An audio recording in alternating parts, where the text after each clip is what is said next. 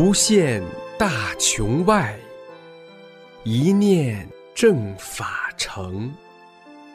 师尊慈悲愿，万物沐春风。请听明慧专题《一师恩》。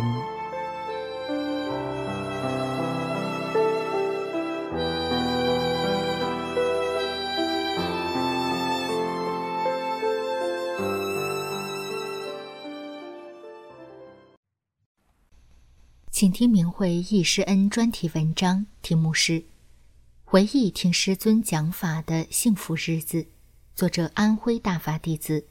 文章发表于明慧网，二零零七年四月十日。我过去是一个体弱多病的老病号，身患肝硬化、胆囊炎、风湿性关节炎、严重的鼻炎、再生障碍性贫血等多种疾病，中药吃了四千几百副都没有明显效果。人活得真累，工作调动没有单位接受，我不但身体长期遭受折磨，精神上也很痛苦，连死的念头都有。我曾经也练过一些其他气功，都没有什么效果。一九九三年下半年，我老伴儿在当地气功科研会收到从安徽省气功协会寄来的一封李洪志老师十一月二十一日要到合肥办班讲法的通知书。我抱着试试看的想法去参加了听课。一九九三年十一月二十一日至二十九日，师尊首次到合肥讲法，在教育学院大礼堂，参加人数有五百多人。我是坐在第一排的中间，离讲台不超过五米远。师傅那高大魁梧的身材，面带微笑、慈悲祥和的容貌，使人感到分外幸福和温暖。师傅讲法不用稿子，只有一张小纸条，上面有几行字，就可以随口而讲上两个小时。法理讲得很高，但通俗易懂。我听着听着就不由自主地睡着了，怎么也停不住，眼睛一睁，但又睡着了。用手掐头也没有用，但师傅讲法我却听得很清楚。当时我很怨恨我自己，怎么这样没有出息。感到很惭愧，也很对不起师傅。但是每次师傅一讲完课，我又精神起来了，一连好几天都是这样。我过去偏头痛发作时，头像裂开的感觉，不吃不喝，呕吐、腹泻，不能讲话，一痛就是好几天，真是痛苦至极。后来听师傅在《转法论》中讲，有的个别人还会睡觉的，我讲完了，他也睡醒了。为什么呢？因为他脑袋里边有病，得给他调整。脑袋要调整起来，他根本受不了，所以必须得让他进入麻醉状态。他不知道。我心里想，师傅真是活佛，什么都知道。师傅在讲法班上打出无数的法轮，替学员调理身体，跺跺脚，把病气排出去。学习班结束回家时。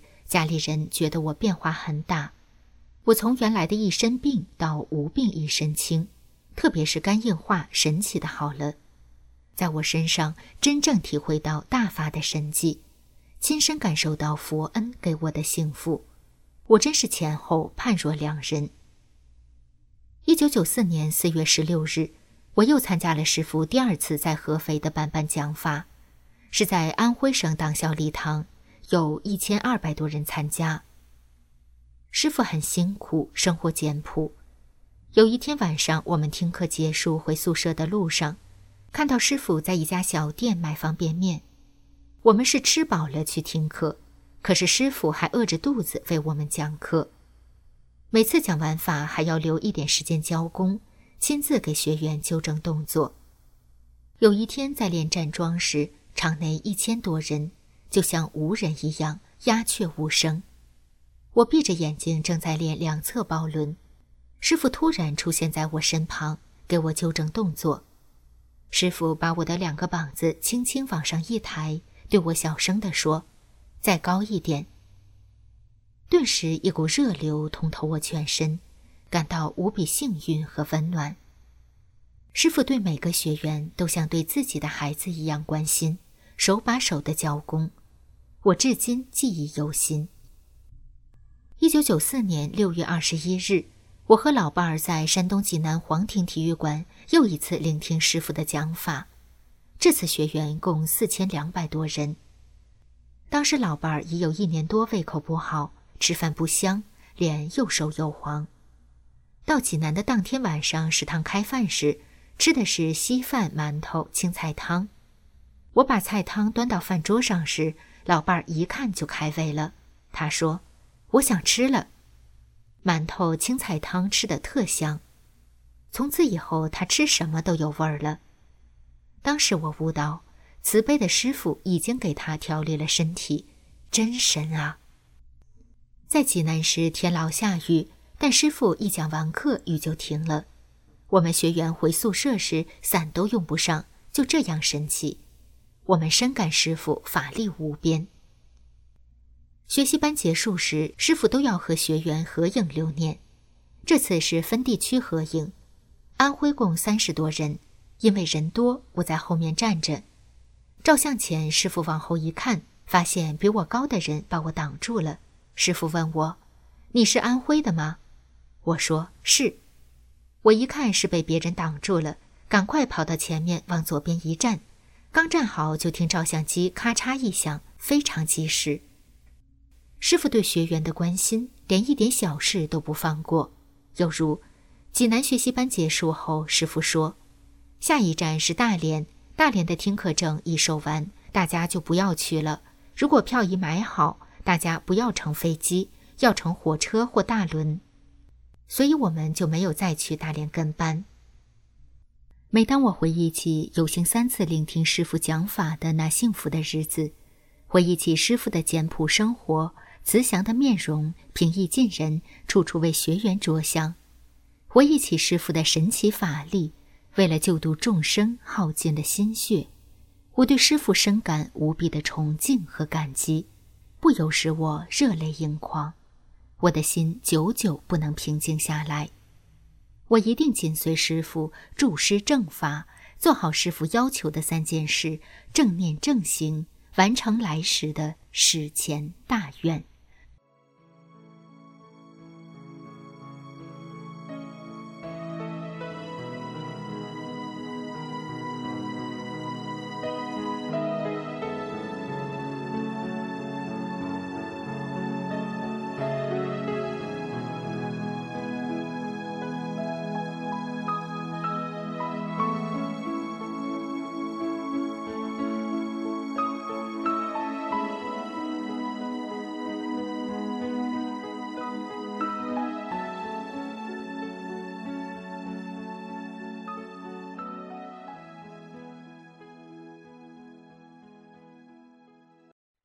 请听易师恩专题文章，题目是《珍贵的回忆》，六次参加师傅讲法传功班，作者安徽大法弟子。文章发表于明慧网，二零二零年五月二十三日。一九九三年十二月，我遇到一位法轮功学员，他说：“我学法轮功明白了，人要修炼。”就要修炼正法。我以前练了很多功，因为练的不是正法，所以越练病越多，最后肌肉萎缩，瘫痪在床几年。我遭了无数的罪，天天病痛和药伴随我，活得生不如死。我听说法轮功师傅给真心想按真善忍修炼的人清理身体，不要钱。我就参加了法轮功在合肥的第一期讲法传功班。前面几天我没想修炼，我就想瘫痪好，可我还是瘫痪。最后一堂课，师傅说：“不是原话，真善人法轮大法是宇宙大法，法轮大法是性命双修的正法修炼。你真想按真善人法轮大法专一修炼？”我给你清理身体，净化身体。你想治病，你可到医院去治病。你可以退钱，你们报名的钱是主办单位收的场地费，我不要你一分钱，法轮功义务免费教功。我听明白了，师傅是往高层次带人，给真正想专一修炼法轮功的学员清理身体，达到无病状态才能练功，按真善忍去做，才能去病，才能长功。于是。我真心把自己当做一个真正专一修炼法轮功的人。我真心动了这一念之后，我的全身动了一下，我感激的眼泪哗哗流下来了，控制不住。我明白的一面知道，师傅的法声给我清理了身体。我记得这时师傅说：“不是原话，刚才有人真心想专一修炼法轮功。”想按真善忍大法修炼，返本归真。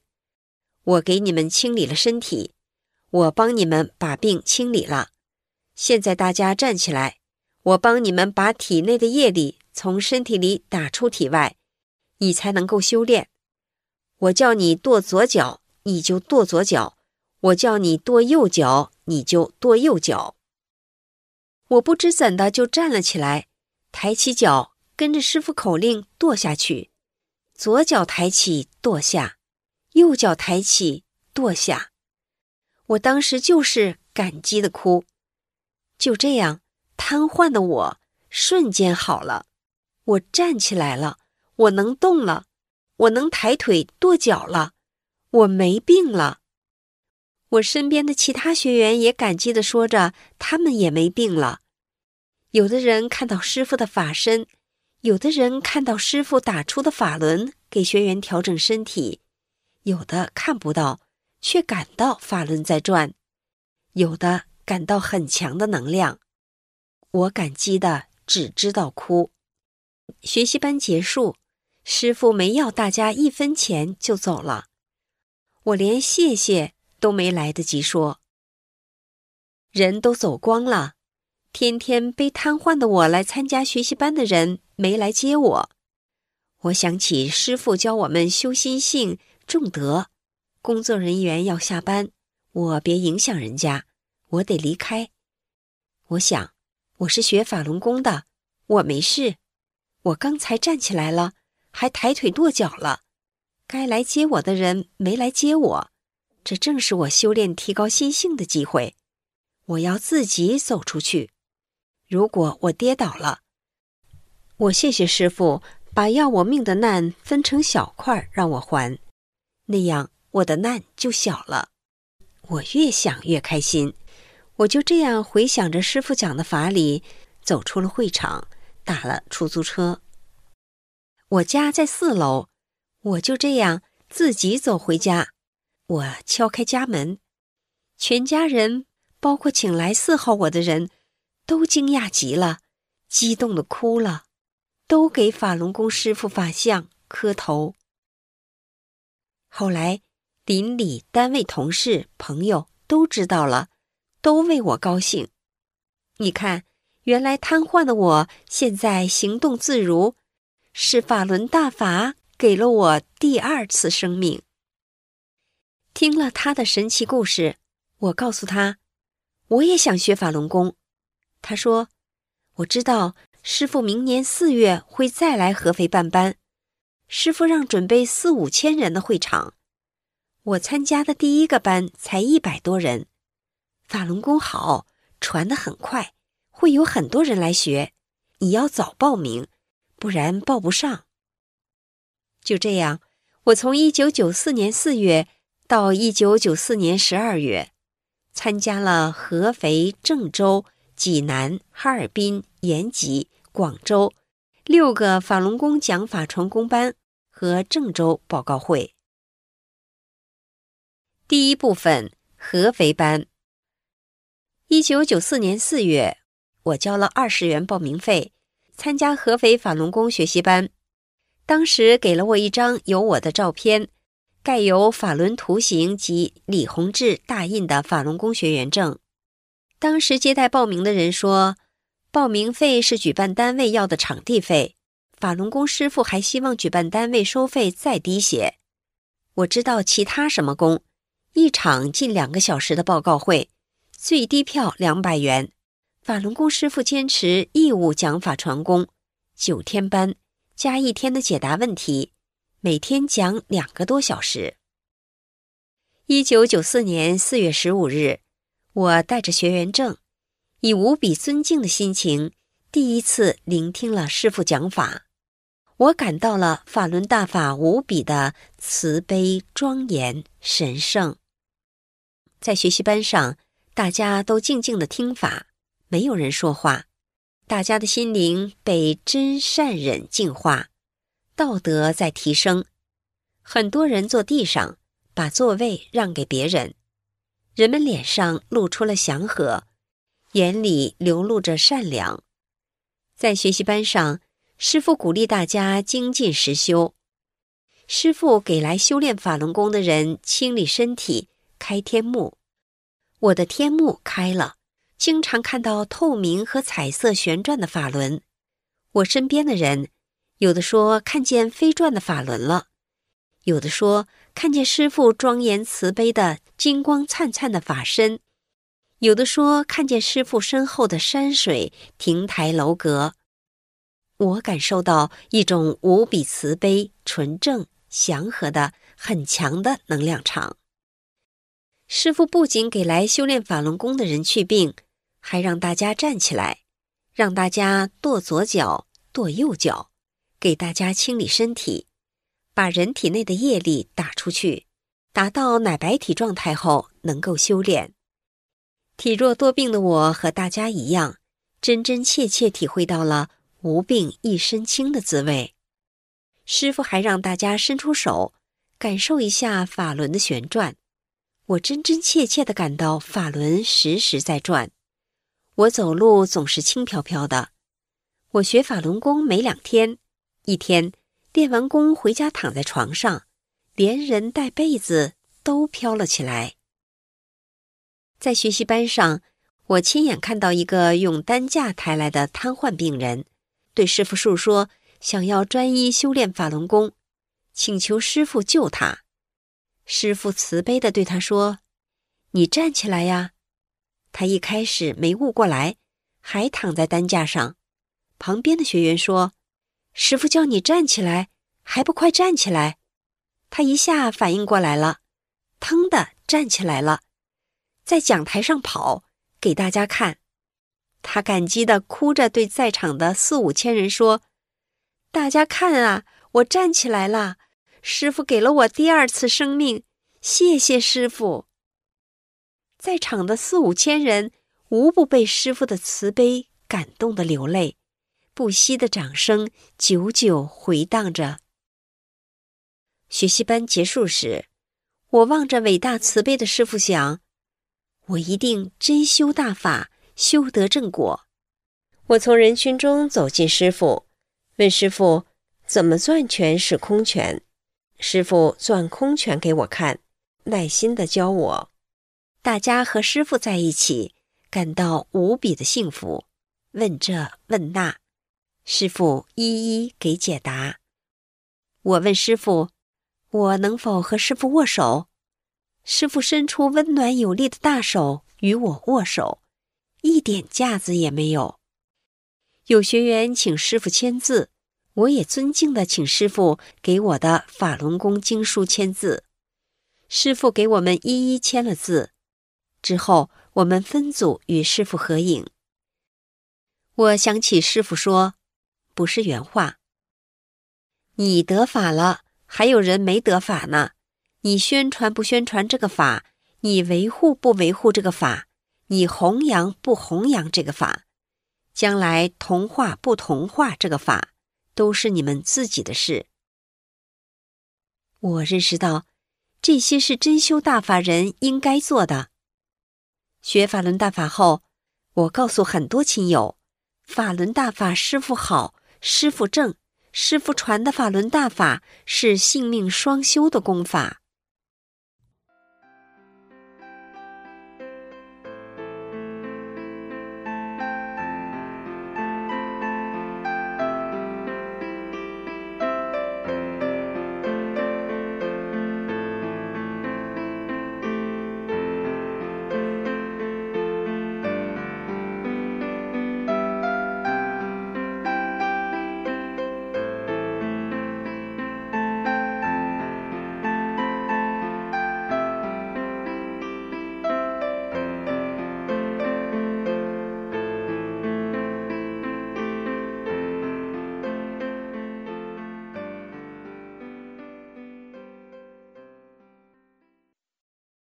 第二部分郑州班。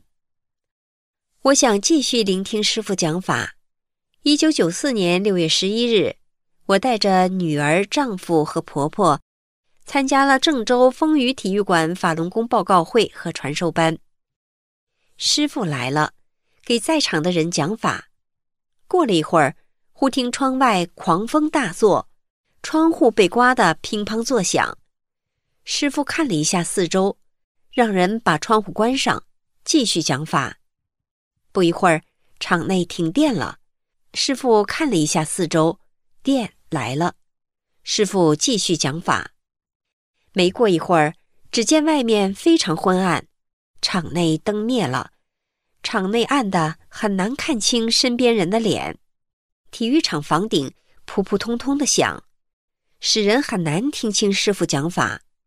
窗外下起了大冰雹，狂风带着冰雹。砸的体育场房顶扑通通像打鼓，房顶像要塌了一样。狂风夹带着一些冰雹从窗外飞射进来，有几颗鸡蛋大的冰雹砸在孩子奶奶身上。很多人知道魔在捣乱，担心体育馆塌了，不安的动起来。这时师傅讲了一段法，不是原话，大意是说。释迦牟尼佛当年传法的时候，魔来捣乱，刮起一股邪风，吹灭了油灯。真修听法的人没有一个受干扰的，静静的听法，直到另一个弟子把油灯点亮。我和很多老弟子一起静静的打坐不动，我们身边的人也渐渐静了下来。不一会儿，听到一片掌声，我睁开双眼。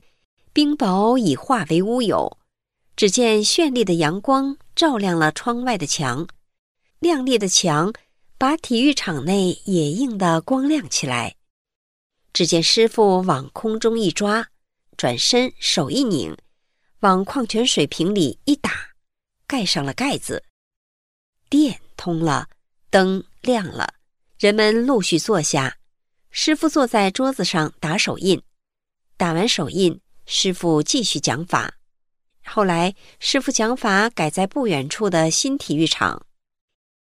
一天上课前，体育场工作人员对我们说：“法轮功真好，教你们按真善忍修炼，做讲道德的好人。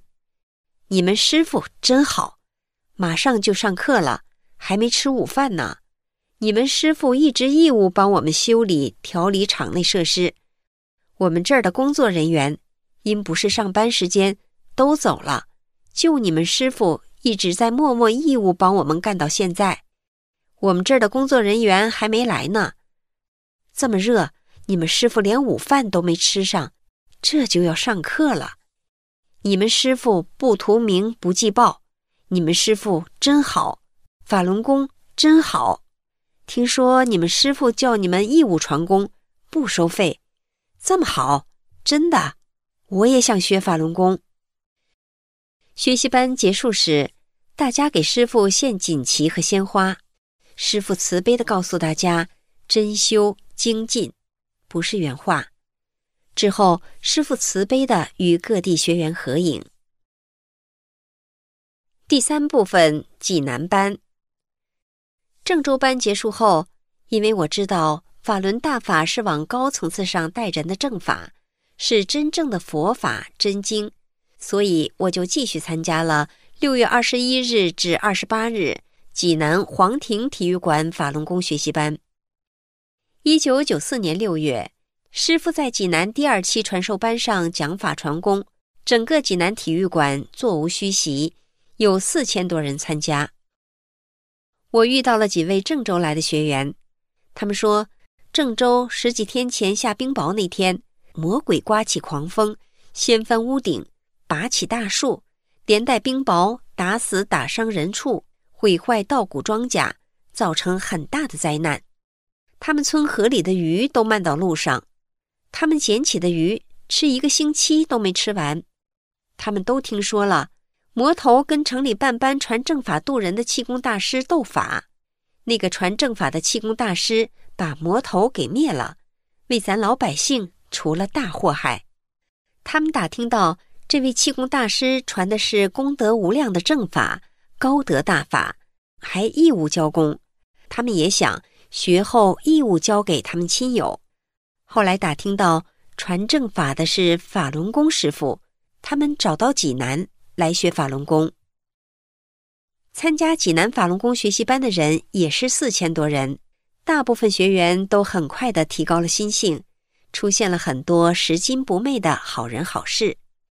一天，我躺在床上，像做梦一样看着空中很多旋转的法轮，忽然一个法轮飞向我，打得我牙齿“当”的一声，从此我的牙齿平平整整。济南学习班结束后，师傅再一次与安徽学员合影。我从济南回到家，我二姐一口气听完了师傅的讲法录音，学会了打坐。一天，她兴奋地对我说：“她有一天打坐入静，师傅把她的天幕打开了，她看见从宇宙中由远而近的飞旋着很多金光灿灿的法轮。”一个法轮飞向他，越来越大，从法轮里飞出金光闪闪的“真善忍”三个字。他看得非常清楚、真切。他说：“看见了另外空间真的存在天国，老百姓说的阴间也存在，那是不同的空间。”我和老学员自发自愿的建立义务教工点。告诉更多的人，师傅的法轮功传授班的时间地点，告诉他们不要错过聆听师傅讲法传功的好机会。第四部分，哈尔滨班。一九九四年八月五日，我来到哈尔滨飞驰冰球馆聆听师傅讲法传功。我在哈尔滨参加班时，因为我一直把自己当做真正修炼的人。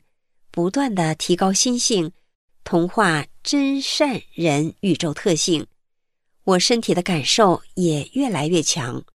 我时时刻刻的都感到我在法轮里，法轮不停的旋转。学习班结束时，慈悲的师傅不辞劳苦的与学员合影。第五部分延吉班，我从哈尔滨。接着到延吉参加了八月二十日至八月二十七日延吉延边体育馆法轮功学习班。当时我出现宵夜症状，我高兴又坚定地认为我是修法轮大法的，我有师傅保护，我又在宵夜和长功呢，这是我提高心性的机会。我想着师傅在转法轮中的法，好坏出自一念，我想。我没事。第六部分，广州。延吉学习班结束回家后，我就告诉更多的人，参加一九九四年十二月二十一日法轮功在广州体育馆举办的传授班。虽然我每月工资收入十五元至三十元，但这阻挡不了我去广州听最后一次师傅在国内讲法。我买来三十个馒头，打算一天吃不超过三个馒头，喝公共免费自来水。我又借来够住宿的钱，来到广州。参加班的人很多，一个会场装不下，很多人没有入场券。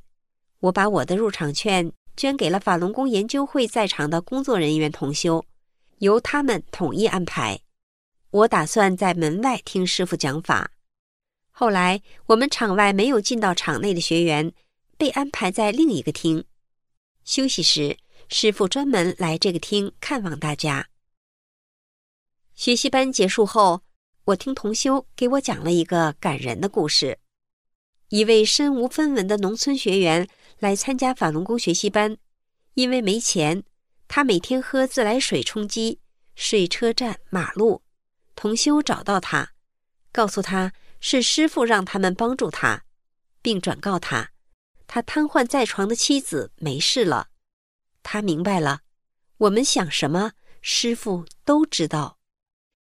学习班结束后回到家，他看到妻子皮肤白里透红，正在干活呢。妻子见他回来了，激动地告诉他，他也一直想着法轮功教人学真善忍做好人，也想学法轮功，可自己动不了。他去学法轮功走后没两天，他妻子像做梦一样，看见自家屋里屋外到处都是金光闪闪、五彩缤纷、旋转的法轮，有的法轮在他妻子身上转来转去，他妻子热得不行，掀开被子，想起身下床，就下床了，而且行动自如，医院都治不好的病就这样。好了，他村子附近的很多人都知道了法轮功的神奇和美好，很多人都找来学练法轮功。